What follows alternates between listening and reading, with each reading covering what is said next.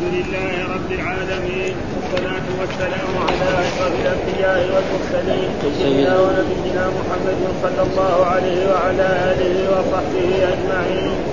قال الإمام البخاري رحمه الله باب ابن عم أحدهما أخ بالأم والآخر زوج. وقال علي للزوج النصف وللأخ من الأم السدس وما بقي بينهما نصفان. قال حدثنا محمود قال أخبرنا عبيد الله عن اسرائيل عن أبي حصين عن أبي صالح عن أبي هريرة رضي الله عنه قال قال رسول الله صلى الله عليه وسلم أنا أولى بالمؤمنين من أنفسهم فمن مات وترك مالا فماله لموالي العصبه ومن ترك كلا أو ضياعا فأنا وليه فله العاده فاشتد العيال. قال حدثنا أمية بن بسطام قال حدثنا يزيد بن زريع عطف عن عبد الله بن طاووس عن أبيه عن ابن عباس عن النبي صلى الله عليه وسلم قال الحق الفرائض بأهلها فما تركت الفرائض فلأولى رجل ذكر. باب ذوي الأرحام.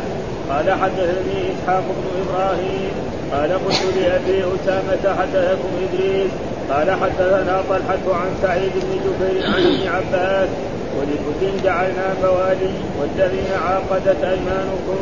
قال كان المهاجرون حين قدموا المدينة يرث الأنصاري المهاجر. دون ذوي رحمه للقوة التي آخى النبي صلى الله عليه وسلم بينهم. فلما نزلت ولكل جعلنا موالي قال نسختها والذين عاقدت أيمانكم.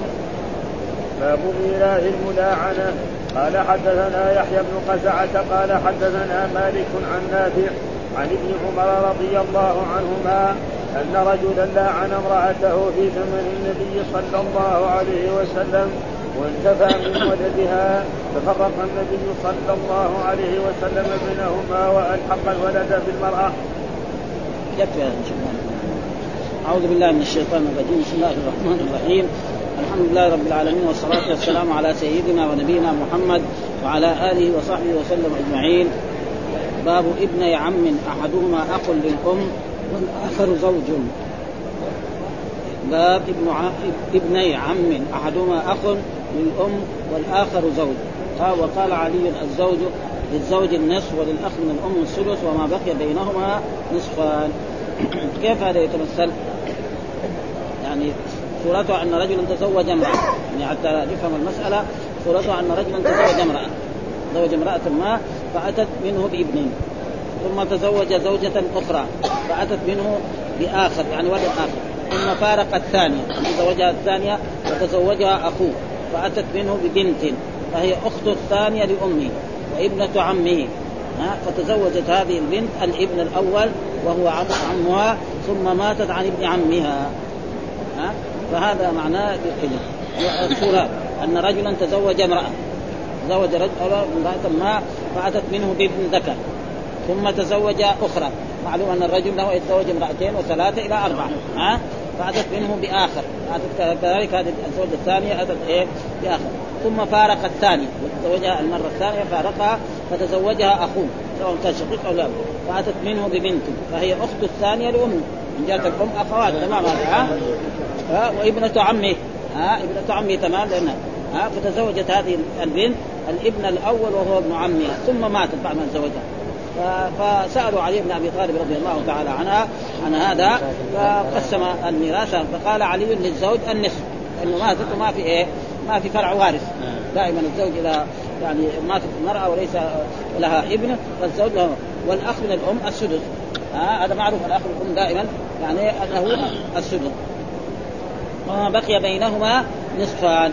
فدحين صار إيه؟ يعني نصف والثلث صار إيه ثلثان؟ باقي إيه؟ باقي ثلث. باقي ثلث. فالثلث هذا مين يأخذه؟ يأخذه إيه؟ يعني الاخوين هذا. بينهما. بينهما. يعني بين الزوج وبين إيه؟ آه ابن العم هذا. آه ابن العم. ابن العم. ابن العم من الأم. إيه, إيه. ابن إيه ابن العم. ما يصير ابن العم. ابن عمه تمام من, من, من, من هذا الصلب ما هو ابن عمه دائما. صار ابن عمه إيه؟ الاولاني الزوج الثاني. لأنه آه لما بعد ما طلقها الزوج هذا أخذ أخوه. صارت إيه؟ ابن عمها يعني من جهة إيه؟ كمان من أي شيء. فاصبح وذكر هنا يعني مين أخرج هذه القصة وحاصله وحاصله أن الزوج يعطى النصف لكونه زوجا ويعطى الآخر السدس لكونه اخا. من أم فيبقى الثلث فيقسم بينهما بطريق العصوبة. ها فيصح للأول الثلثان للفرض والتعصيب. ها فيصح للأول الثلثان بالفرض والتعصيب وللآخر الثلث بالفرض والتعصيب. ها يعني الزوج وابن ابن اخيه هذا يعني هذاك أخذ لأنه أخذ الزوج كان أخذ النصف أول. أخذ إيه؟ النصف. هذا حقه تمام باين تمام بعد ذلك لما باقي الثلثان هذا صار إيه؟ سدس وسدس. فصارت المسألة. وقد رواها يقول يعني أخرجها يعني والتعصيب وهذا الأثر وصله علي عن علي رضي الله تعالى عنه سعيد بن منصور من طريق حكيم بن غفال قال اتي شريح امرأة تركت ابن ابن عمها أحدهما زوجها والآخر أخوها لأمها فجعل للزوج النصف والباقي للاخ ومعلوم شريح كان إيه؟ قاضي عظيم جدا. ها؟ لكن عند أهل الحديث ما في شيء. هذا مشكلة يعني. قاضي عظيم قال قال جلس اظن 40 سنة في القضاء من أخذ علي بن أبي طالب رضي الله تعالى عنه إلى سنين. وكان عنده من الذكاء ومن الفهم والفقه شيء ما ما يتصور ابدا. ها؟ ولكن عند أهل الحديث لا يسمى من الثقات في الحديث. فقال له علي بن أبي طالب إنه هو الذي جعله قاضي. قلت يا شريح في امراه تركت ابن عمها أحدهما زوجها والآخر اخوها لامها فجعل للزوج النصف والباقي للأخ من الأم فأتوا عليا فذكروا له ذلك فأرسل إلى شريح. فقال ما قضيت؟ بكتاب الله أو سنة رسول يعني بأي شيء قضيت. استفهام ها فقال بكتاب الله. ها قال أين؟ قال واولو الأرحام بعضهم أولى ببعض في كتاب الله. ان شاء الله. ها قال فهل؟ قال للزوج النصف وللأخ ما بقي ثم أعطى الزوج النصف وللأخ من الام الثلث ثم قسم بينهم ما بقي بينهما. فهذا معناه قال علي للزوج النصف وللأخ من الام الثلث وما بقي بينهما. بين الأخ والام الثلث والزوج الذي هو هذا لأنه ابن عمه. ودائما دائما الحديث يعني يعني الحق الفرائض باهلها فما ألقت الفرائض فلأولى رجل ذكر أو فما تركت الفرائض وهذا هو تقسيم يعني يكون إيه مطابق لإيه لواقع وقال أتي عليهم في ابن عم أحدهما أخ لأم فقيل إن عبد الله كان يعطي الأخ للأم المال كله فقال يرحمه الله. إن كان لفقيها. آه يعني وهذا ثناء عليه. إن كان لفقيها إن خف من الفقير لفقير. ولو كنت أنا لأعطيت الأخ من الأم السدس ثم قسمت ما بقي بينهما. وقال ابن بطال وافق عليا زيد بن ثابت. إذا زيد بن ثابت وافق آه ابن ثابت والجب. وقال عمرو عمر وابن مسعود جميع المال يعني الذي يبقى بعد نصف الزوج آه للذي آه جمع القرابتين. فله السدس بالفرض والثلث الباقي بالتعصيب. وهو قول الحسن وأبي ثور وأهل الظاهر واحتجوا نعم بالإجماع. في أخوين أحدهما شقيق والآخر لأب. أن الشقيق يستوعب المال لكونه أقرب بأم. وحجة الجمهور ما أشار إليه البخاري في حديث أبي هريرة الذي أورده في الباب بلفظ من مات وترك مالا فماله لموالي العصبة. والمراد بموالي العصبة هم بنو العم وسوى بينهم ولم يفصل أحدا ولم يفضل أحدا على أحد. وكذا قال أهل التفسير بقول فإني خفت الموالي من ورائي. من ورائي إيش الموالي هنا؟ يعني بني العم. فإن احتجوا بالحديث الآخر المذكور في الباب أيضا عباس وما ترك في الفرائض فلأولى رجل ذكر الجواب انهما من جهة التعصيب والتقدير ألحق الفرائض باهلها ان يعطوا اصحاب البنود حقهم فإن بقي شيء فهو للأقرب. فلما أخذ الزوج فرضه والاخ من الام فرضه صار ما بقي مره بالتعصيب. وهما في ذلك سواء وقد اجمعوا في ثلاثة إخوة من الام احدهم ابن عم أن للثلاثة الثلث والباقي لابن العم. قال المازون مراتب التعصيب ومراتب التعصيب كذلك أول شيء اقرب البنوه الأبناء هذول أبناء. ثم الأبوة ثم الجدودة فالابن أولى من الأب. وإن ها وإن فرض له مع معه السدس وهو أولى من الإخوة وبنيهم لأنهم ينتسبون إيه بالمشاركة في الأبوة. والجدود والأب أولى من الإخوة من الجد لأنهم ينتسبون فيسقطون مع الجد. والجد أولى من بني الإخوة لأنه كالأب. منه ومن العمومة لأنهم ينتسبون.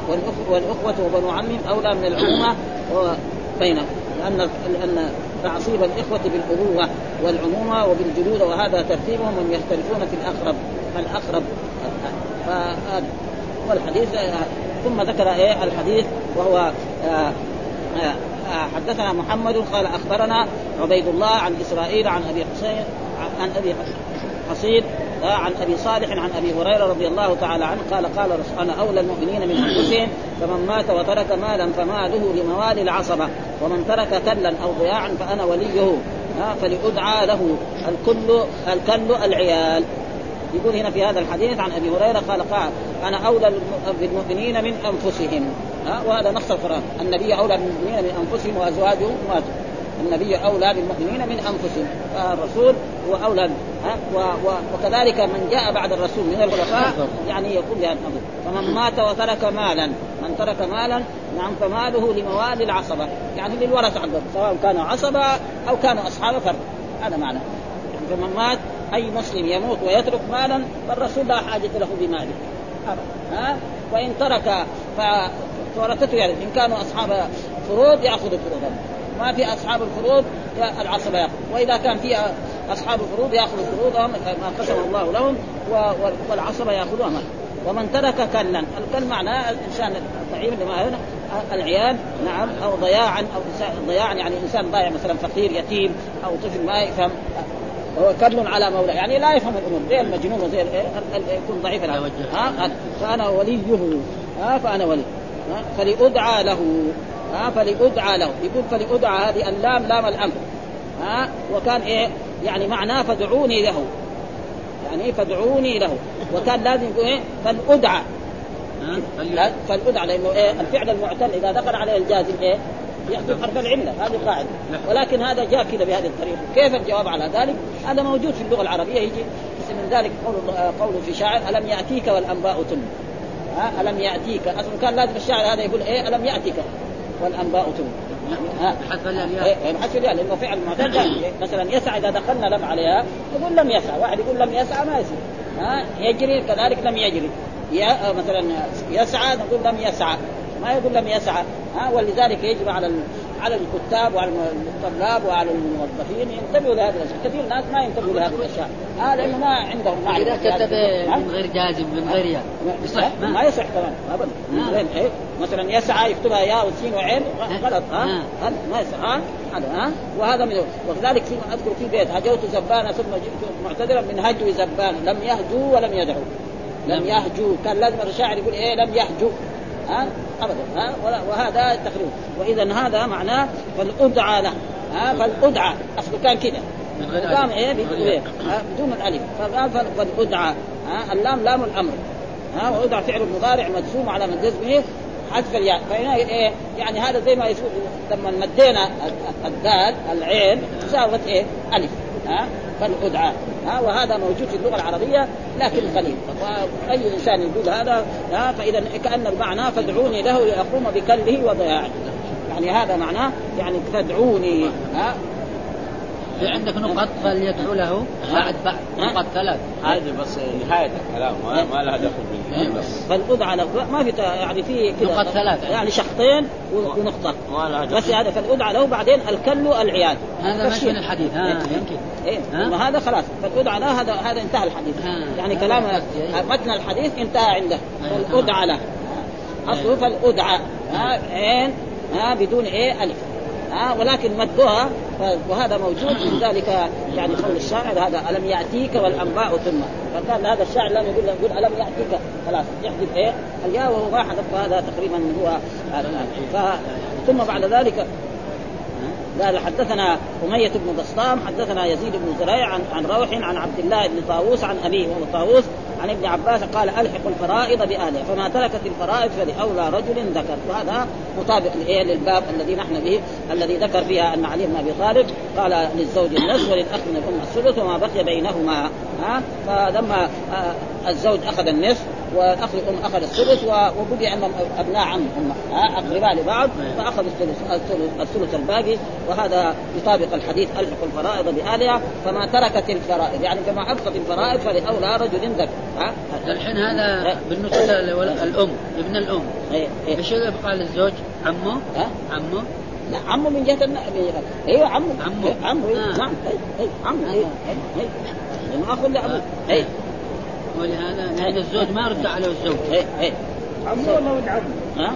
عمه ولا ولد عمه؟ ها؟ ولد عمه ولد عمه ولد عمه إيه. أنا يرد عليه إيه، ولد عمه إيه، ولد عمه إيه. ولد عمه ولد عمه صح.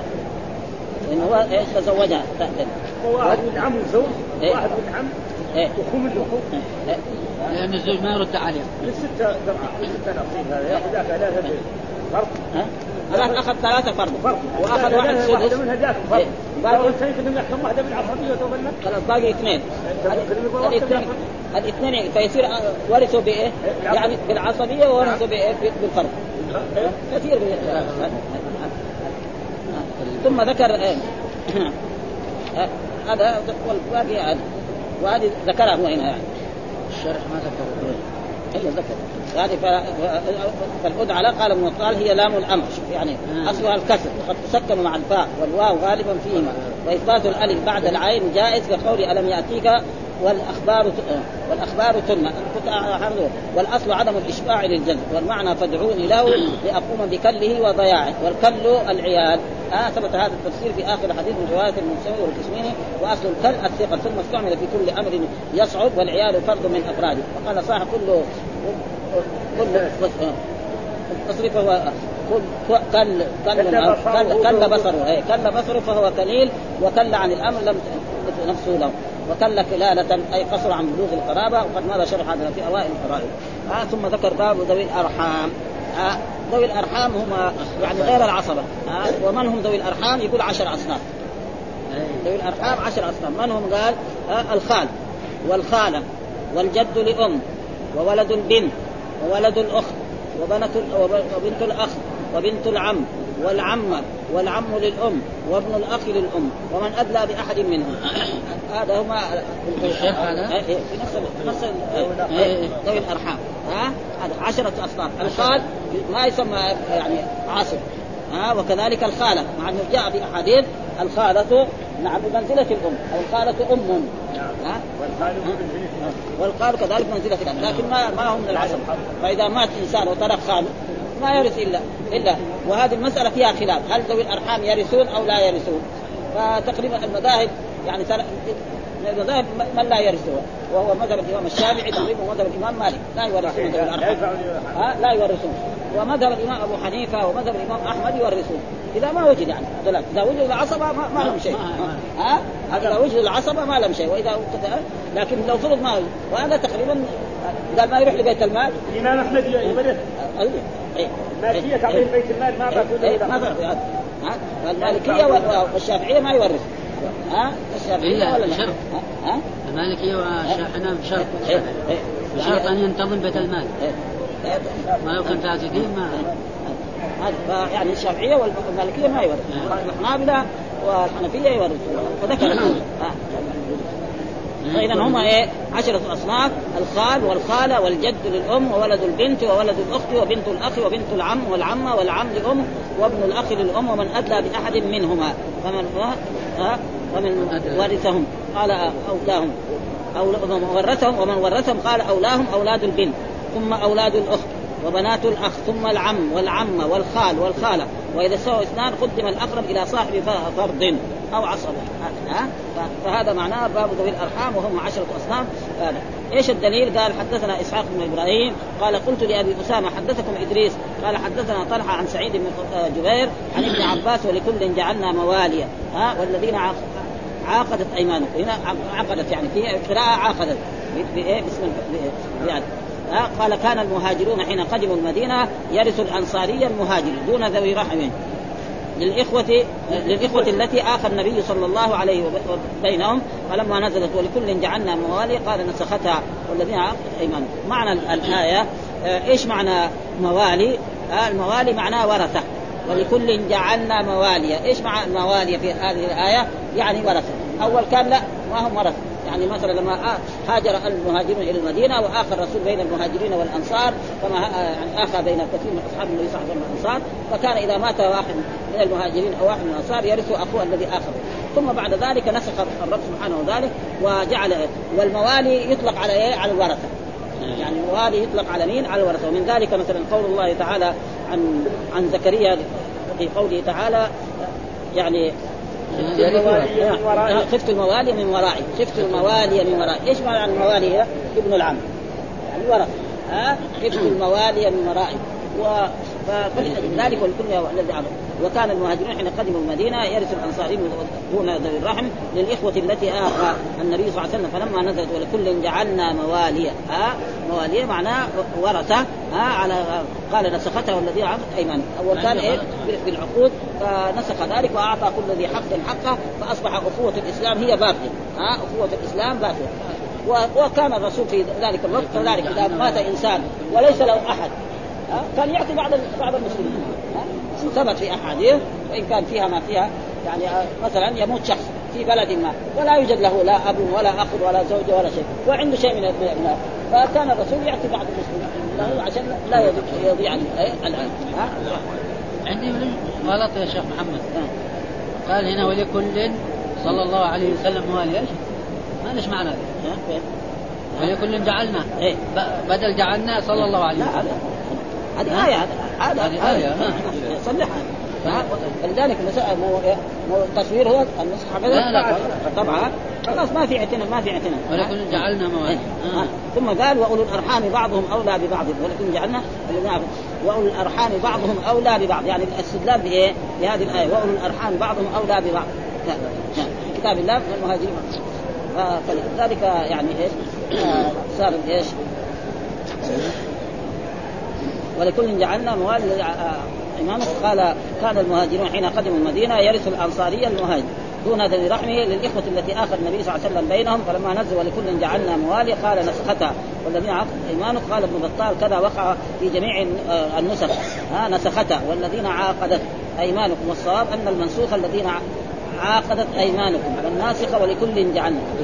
عاقدت بالمد يعني في قراءة كده؟ عاقدت في عاقدت إيه؟ إيه؟ نعم. ولكل جعل ها؟ نعم. إيه؟ وقع في رواية الطبري بيان ذلك ولفظ. فلما نزلت هذه الآية ولكل جعلنا موالي نزلت وقد تقدم في الكفالة التفسير من رواية الصلت بن محمد عن أبي أسامة عنه. ولكل جعلنا موالي ورثة. ها؟ إيش معنى موالي في الآية؟ ورثة. فأفاد التفسير الموالي وأشار إلى أن قوله والذين عقد أيمانكم ابتداء شيء يريد أن يفسره أيضا ويؤيده أنه وقع في رواية الصلب والذين عاقدت وبقي قوله نسختها مشكلا. قال ابن بطال وقد أجاب ابن منير في الحاشية فقال الضمير في نسختها عائد على المؤاخاة. نسختها عائد على المؤاخاة على الآية والضمير في نسختها وهو الفاعل المستتر يعود على قول ولكل جعلنا. نسختها يعني نسخت إيه؟ يعني الإرث بإيه؟ بالأخوة الإسلامية. هذا معناه يكون إيه؟ والذين عقد من قال نسختها آية والذين عقد منصوب بإضمار أعني.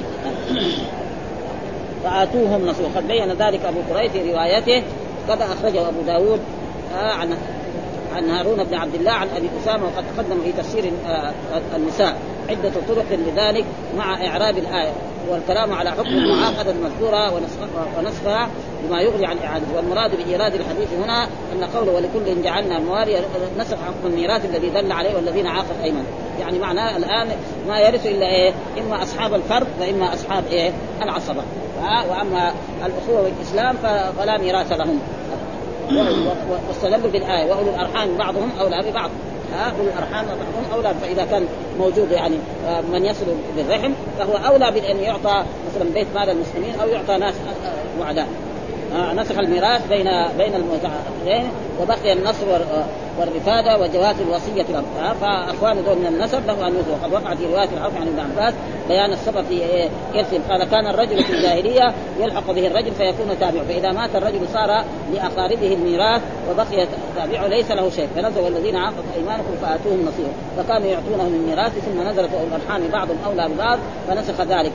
والعوفي ضعيف والذي في البخاري هو الصحيح المعتمد وتصحيح السياق والظهر من نفس الرواية وأن بعض الرواة قدموا بعض الألفاظ على بعض.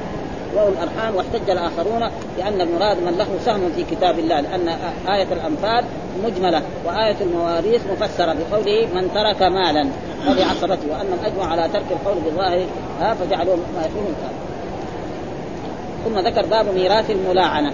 ها باب ميراث الملاعنة. الملاعنة إيش معناه؟ جاء في القرآن اللعان وحكمه وهو قول الله تعالى والذين يرمون أزواجهم ولم يكن لهم شهداء إلا أنفسهم فشهادة احدهم أربع شهادات بالله إنه لمن الصادقين والخامسة أن لعنة الله عليه إن كان من الكاذبين ويدرى عن العذاب أن تشهد أربع شهادات بالله إنه لمن الكاذبين والخامسة أن غضب الله عليها إن كان من الصادقين. وسبب نزول هذه الآية قدم لنا في في الاحكام بعد آه، يعني بعد كتاب النكاح هذا الموضوع وهو أن رجلا يعني جاء للنبي صلى الله عليه وسلم وقال يا رسول الله لو رأيت رجلا في بيتي على زوجتي ماذا أفعل؟ يعني يعني أقتله تجوا تقتلوني أنا ها أو أسكت أسكت على المصيبة وكأنه رأى من زوجته شيء ما ما يسر ها فلما حصل وإذا به جاء في اليوم الثاني وقال لأقاربه سألوا رسول الله صلى الله عليه وسلم عن ذكاء نحن ما نسأل أنت بنفسك روح فراح سأل الرسول فنادى الزوجة فقال انزل الله فيكم هذه الايه ها والذين يرمون أزواجهم ولم يكن لهم شهادات. فشهد الرجل أربع شهادات إن إنها زانية وهي شهدت بعد أربع شهادات. هذا الخامس أن لعنة الله وهي الخامسه أن غضبه وفرق الرسول بينهم. ها وكانت حامل. فإذا ولدت الولد هذا الولد ينسب إلى من؟ ينسب إلى أمه. هذا محسوب ينسب إلى أمه. وليس للأب أي شيء يحتاج. ثم اذا إذا مات الولد مين يرثه؟ يرثه أمه. وكذلك إذا كان للأم عصبه يرثون. ها؟ إذا كان للأم عصبه يرث فلو فرض ان أن للأم مثلا لها ابن آخر أو لها أخ أو لها عم أو لا هذول أما هي هي ترث وهو يرث. هذا هذا معناه باب ميراث الملاعنة. وهذا معناه ميراث الملاعنة. ها؟ ميراث الملاعنة أن المرأة التي لاعنها زوجها وكان لها ولد والأب انتفى والزوج انتفى من هذا الولد فهذا الولد يكون ينسب إلى أمه.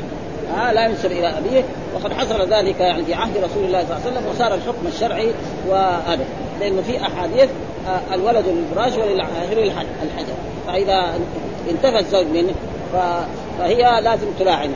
وهي تشهد أربع شهادات بالله اول يشهد أربع شهادات بالله إنه لصادق فيما رماها به. وهي تشهد أربع شهادات بالله إنه لكاذب. والخامسة هو عليه ان لعنة الله لأنه اللعنة أخف من الغضب. لأن هي إيه دخلت إيه؟ يعني شيء مصيبه ها تدخل أو مثلا أولاد يرثوا هذا وإذا ستر ها؟ إذا ستر يقول خلاص. إذا ستر ما في شيء. إذا ستر كيف؟ هذا الولد هذا ما يعني ما هو ولد لأنه هذا عندنا هذا الولد يروح يرث. يرث وهو في الحقيقة وهو والقرآن يقول يوصيكم الله في أولادكم. ما هو ولد هو في الحقيقة؟ أيوه. ولكن هو يعني ويحصل يعني كثير من والحديث اللي بعده كمان يبين أكثر من هذا. ها باب ميراث الملاعنة أنها ترث إيه؟ ترث آه, آه، يعني الولد هذا يرث أمه وأم والأم ترثه. خلاص ها؟ فإذا مثلا ماتت هي هو يرثها. وإذا مثلا هو آه الأم ماتت نعم أو هو مات والأم ماتت كذلك مين يرثه؟ يرث عصبة عصبة الأم. عصبة الأم يرث فإذا كان للأم هذه أب يرث هذا معناه هذا إيش الدليل؟ قال حدثنا يحيى بن خزعة قال حدثنا مالك عن نافع عن ابن عمر رضي الله عنهما أن رجلا لاعن امرأته في زمن النبي صلى الله عليه وسلم وانتفى من ولدها. ها قال لأن هذا الولد اللي في الحمل هذا ليس ولد. ففرق النبي صلى الله عليه وسلم بينهما وألحق الولد بالمرأة. هذا محل الشاهد. ألحق الولد بالمرأة. فينسب إلى ما ينسب إلى أبيه. ها يقول محمد فلان ابن مثلا فلانة دي. خلاص ها. وفي هذا العصر يعني مشاكل كثيرة. يعني في هذا العصر الآن لو واحد مثل هذا ما عنده ما عنده يعني يعني شهادة ميلاد ما عنده ما ما يعيش في الدنيا ما يخليه يدخل مدرسة. في نظم جديده صارت. ها؟ فلذلك مشاكل كثير بتحصل. الآن لما بيحصل كذا مثلا يوجد طفل مرمي في الشارع ماذا يفعل به الدولة؟ الدولة تأخذه وتسلم الايه؟ لدار يعني لدار من دون الاجتماعية. آه ثم بعد ذلك تجد إنسان يعني يكفل هذا الولد ويربيه ويعطوا له راتب كمان. ها آه ويساوي طريقة حتى بعد فترة إذا كبر يقدر يدخل المدرسة يكتب لأنه هو لا ذنب عليه. ها؟ آه فأشياء في يعني اشياء مشاكل الآن كثيرة يعني تتبع قال باب ميراث الملاعن ثم لما لاعن الرجل جاء تقدم لنا كان في كتاب النكاح أنه بعد ما لاعن وقال إن امسكتها كذبت عليها فطلقها ثلاثة. راح الإمام البخاري هناك في, كتاب الطلاق ذكر هذا وأن طلاق الثلاث يقع عشان يستدل. يعني بطلاق الثلاث إنه يقع راح يستدل. لأنه بعد ما الرسول بعد ما لاعن الرجل هذا زوجته فقال إن أمسكتها كذبت عليه. فطلقها ثلاثا. كذا بهذا اللفظ. فراح الإمام البخاري بوب على هذا على انه طلاق الثلاث جائز. لأن الرسول أقره. بعض العلماء يقول لا ها القرآن مثلا يقول الطلاق إيه مرتان يعني مرة بعد مرة ها ثم بعد ذلك قال فإن طلقها الثالثة فلا تحل حتى تنكح زوجا غيره ها والآن كثير من الشباب وكثير من الناس ما يقدر مع زوجته طلقها فإذا طلقها ثلاثا يصير مشاكل فيروح لإيه؟ ما حد يقدر يفتي هنا في المدينة يروح للشيخ بن باز الشيخ بن باز يرد هي بعد إيه؟ بعد ما يثق من كلام حتى يعني هذا والسبب في ذلك إيش؟ موجود حديث ها كان الطلاق على عهد رسول الله صلى الله عليه وسلم. طلاق الثلاث إيه؟ واحدة. ها وفي عهد أبي بكر الصديق ثم صدر من خلافة عمر. ثم بعد ذلك عمر قال إن الناس استعجلوا في شيء كانت لهم فيه أناءة.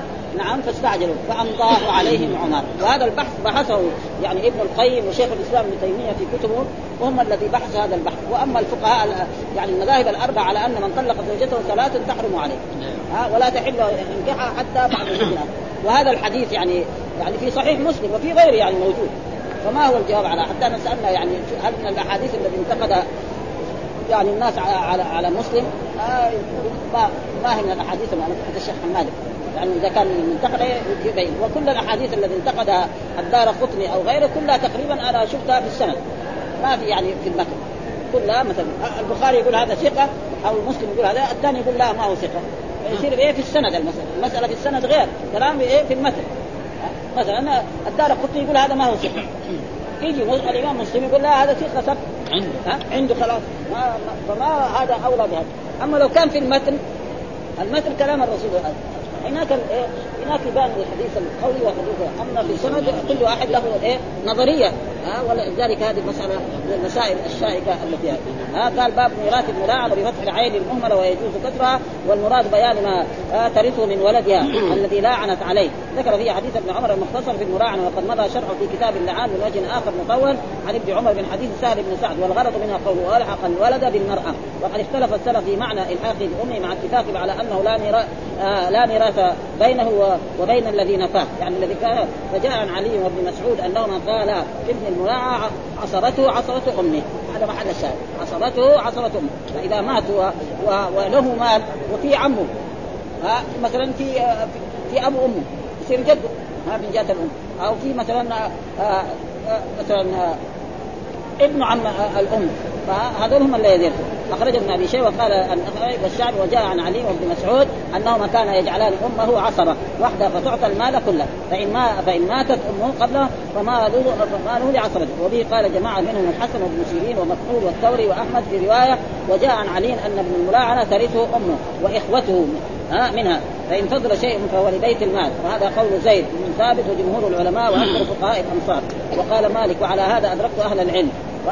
وأخرج عن الشعبي وأخرج عن الشعبي قال بعث أهل الكوفة إلى الحجاز في زمن عثمان يسألون عن ميراث ابن الملاعنه فاخبروهم أنه لأمه وعصبتها. في بعضهم يعني في بعض العلماء قال لا لا هي كمان ما ترث ولا يرث. هذا قول ضعيف يعني ها؟ بل هي يعني ترث ويصير هو فقال الرواية الأولى اشهر عند أهل الفراد وقال وهذا الخلاف إنما نشأ من حديث الباب حيث جاء فيه وألحق الولد بالمرأة لأنه لما ألحق بها قطع نصب أبيه فصار كمن لا اب له من أولاد البغي وتمسك الآخر بأن معناه إقامتها مقام أبيه فجعلوا عصبة أمه عصبة أبيه. قلت وقد جاء في المرفوع يقوي القول الأول فأخرج أبو داود من رواية مفعول مرسلا من رواية عمرو بن شعيب عن أبيه عن جده قال جعل النبي صلى الله عليه وسلم ميراث ابن ملاعنة لأمه ولورثتها من بعده ولأصحاب السنن. الاربعه الواصله رفعة تحوز المرأة ثلاثة المرأة ثلاثة مواريث. المرأة ثلاثة عتيقها ولقيطها وولدها الذي لا عنت عليه. ها؟ يعني إيه؟ تأخذ المال كله. فإذا ما إيه العتيق مثلا مرأة أعتقت عبدا أو أعتقت اما ثم ماتت الأمة هذه إيه وما لها أولاد ولا لها هذا فهي ترث هذا هذا معنى. ولقيطها كذلك إذا اتخذت لقب في الشارع وربته. ها؟ ثم بعد ذلك هذا وولدها الذي لا عنت عليه. وقال ليس بثابت فقلت وحسنه الترمذي وصححه الحاكم وليس فيه سوى عمرو بن رؤية. رؤية بضم الراء وسكون الواو بعد موحدة مختلف فيه. وقال البخاري فيه نظر ووثقه جماعة وله شاهد من حديث ابن عمر عند ابن المنذر ومن طريق.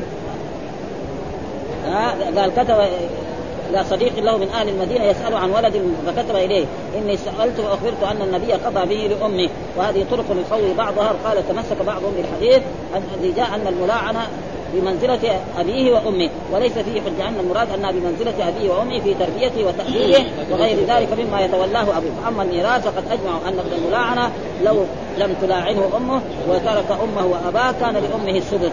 ولو كانت بمنزلة أبيه وأمه لورث السدسين فقط.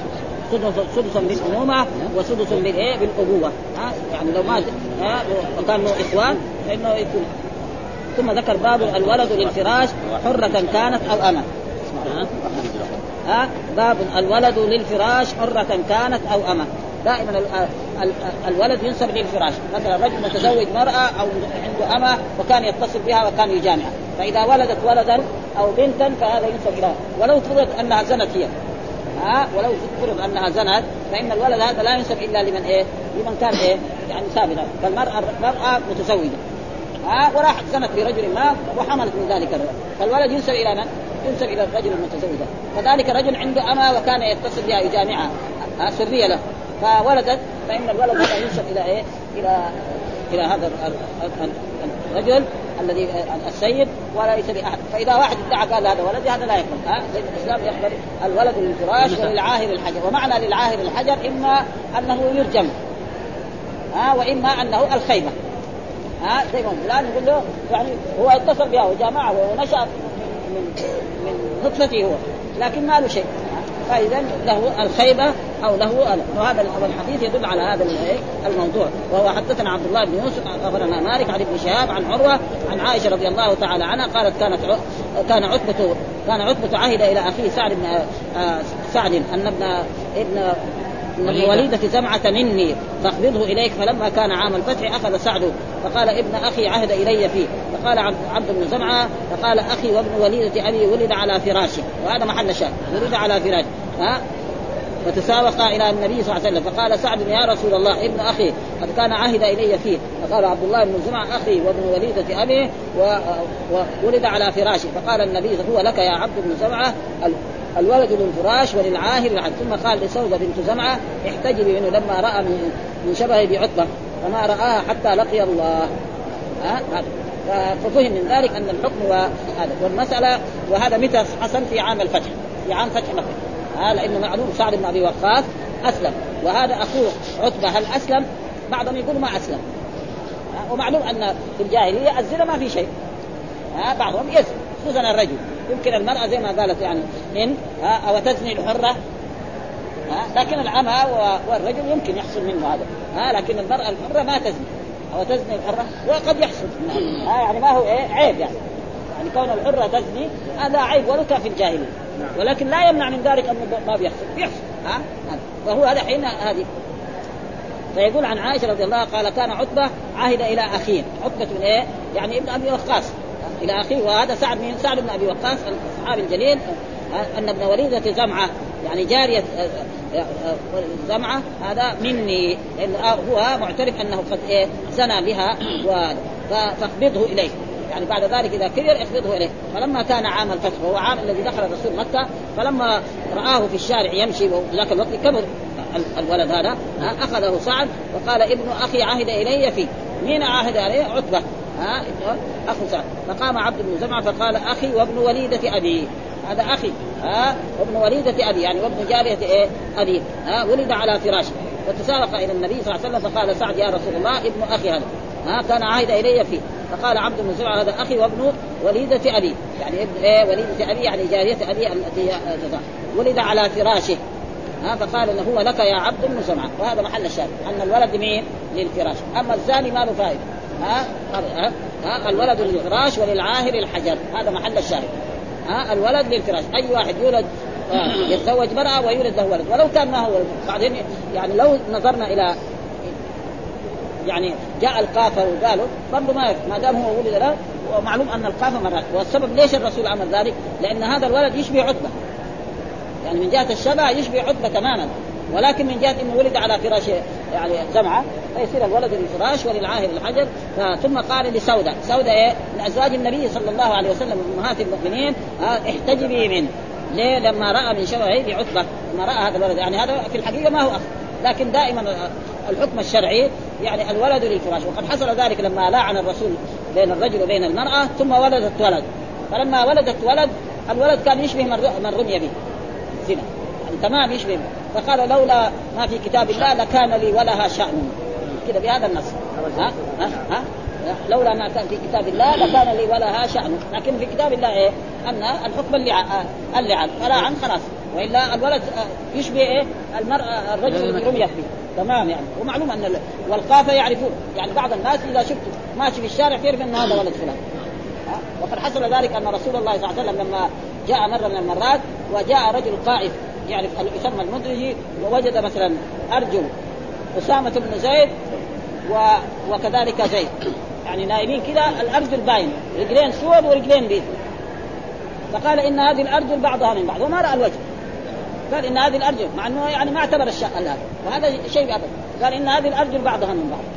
فدخل الرسول على عائشة وأسارير وجهه تبرد. لأن الناس كانوا يقولوا زيد أبيض وأسامة أسود. إيش العلاقة؟ ها؟ وهو طيب ثم هو تزوج جاريه سوداء. ما ما في ابدا. فقال إن هذا فدخل الرسول على عائشة واسارير وجهه يعني تبرق فقال أما سمعت ما قاله المدلجي ها فقال إن هذه الأرجل بعضها من بعض مع انه هو ما رأى الوجيه بس رأى الأرجل. رجلين سود اثنين سود واثنين بيض فقال هذه الأرجل بعضها من بعض يعني في قرابه بينهم. وكان بالفعل آه آه هذا فالسواد ولذلك كذلك مر علينا في دراستنا أن يعني رجل تزوج امرأة كانت بيضاء ها وولدت ولدا أسود. فأراد أن ينتفي منها. فلما جاء إلى الرسول صلى الله عليه وسلم قال له الرسول هل لك من ابل؟ قال نعم. إيش الإبل؟ قال له يعني بيض وحمر. طيب ما فيها سود؟ قال له فيها سود. طيب من فين جاءت السود؟ ما دام الإبل حقنا كلها حمر وكلها بيض. ها؟ قال لعله نزاعر. كمان جد ولدك هذا لعله نزاعر. يعني أبو جد الخامس من قبل قبل يكون اسود وهذا بيحصل. ها تجد إخوة اثنين أشقاء واحد أبيض واحد أسود. واحد طويل واحد قصير. ها؟ هذا موجود يعني. ها؟ وهذا شيء يعني ثابت ما يمكن يعني إحنا معلش هذا العلم؟ ها؟ الحين القيافه ضاعت معلش إيه؟ ما في يعني. في ناس يعرف في ناس يعرفوا؟ ها؟ ها؟ قال باب الولد للفراش حرة كانت المستفرشة أو أما ها؟ عن عن عروة في رواية شعيب عن عن الزهري في عتبة. حدثني عروة. وكان عتبة عاهد إلى أخيه وفي رواية يحيى بن قزعة عن مالك في أوائل البيوع ابن أبي وقاص في الموضعين وكذا في رواية شعيب والليث وغيرها وعن الزهري. ها أن أن وليده زمعة. وفي رواية ابن عيينة والأصل في الولودة. وليده يعني تطلق على الأمة. وهذه الوليدة لم أقف على اسمها ولكن ذكر مصعب بن الزبير وابن أخيه الزبير في نسب قريش انها كانت أمة يمانية. ها والوليدة فعيله بمعنى المولود بمعنى مفعولة وقال هي الصبية والأم. والجم... وهي الصبية. والجمع ولائد وقيل ان إن اسم لغير أم الولد. وزمع بفتح الزاد معروف التسكين ثم محل جاء على فراشي فقام عبد بن زمعة فقال أخي وابن وليدة أبي ولد على فراشه. وفي رواية معمر فجاء عبد بن زمعة فقال بل هو أخي ولد على فراش أبي من جاريته. وفي رواية يونس هذا أخي وهذا ابن زمعة ولد على فراشه. زاد في رواية الناس انظر إلى شبهه يا رسول الله. وفي رواية فنظر رسول الله فإذا هو أشبه الناس بعتبة. ها ابن أبي وقاص وفي رواية فرأى شبها شبها بينا بعتبة. فذلك قال لسودة احتجبي لانها من أزواج النبي صلى الله عليه وسلم ولازم أزواج النبي. وقال عبده أخي على ما استقر عليه الأمر في الإسلام فأبطل النبي حكم الجاهلية وألحقه بزمعة.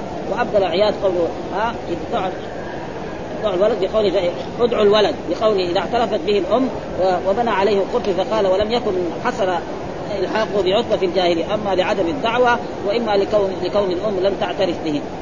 قد مضى في النكاح من حديث عائشة ما يؤيد انهم كانوا يعتبرون استلحاق الأم في صوره في صورة وإلحاق القائد في صورة. ولفظ أن النكاح في الجاهلية كان على أربعة أنحاء الحديث. وفيه ويجتمع الرهن ما دون العشرة فيدخل على المرأة كلهم. كلهم يصيبها فيدخلون على المرأة كلهم يصيبها فإذا حملت ووضعت ومضت ليالي أرسلت إليهم فاجتمعوا عندها فقالت قد ولدت فهو ابنك يا فلان فيلحق به ولد. يعني الزنا كان ما في إيه ذاك الوقت يعني ما جاء الكتاب وبعد ذلك في الإسلام يعني جاء أن الزنا ولا تقربوا الزنا إنه كان فاحشة ولا يجوز للإنسان المسلم فإذا حملت ووضع جمعوا لها القائف ثم ألحقوا ولدها بالذي جرى القائف لا واللائق بقصة جمعة الأخير فلعل جمع جمع القافه لهذا الولد تعذر بوجه من من الوجوه وأنها لم تكن بصفة البغايا بل اصابها عتبة سرا من زنا وهما كافران فحملت فحملت وولدت ولدا يشبهه فغلب على ظني أنه منه وقال قال رسول الله الولد للفراش وللعاهر الحجر وللعاهر أي للزاني الخيبه والحرمان والعهر بفتحتين الزنا وقيل يختص بالليل. ومعنى الخيبة هنا حرمان الولد الذي يدعيه وجرت عادة العرب أن تقول لمن خاب له الحجر وبفيه الحجر والتراب ونحو ذلك. وقيل المراد بالحجر هنا هنا أن يرجم. قال إنه هو ضعيف لأن الرجم مختص بإيه؟ بالمحصن. لأنه لا يلزم من الرجم نفي الولد. والخبر إنما سيقه نفي الولد. والأول أشبه من ساق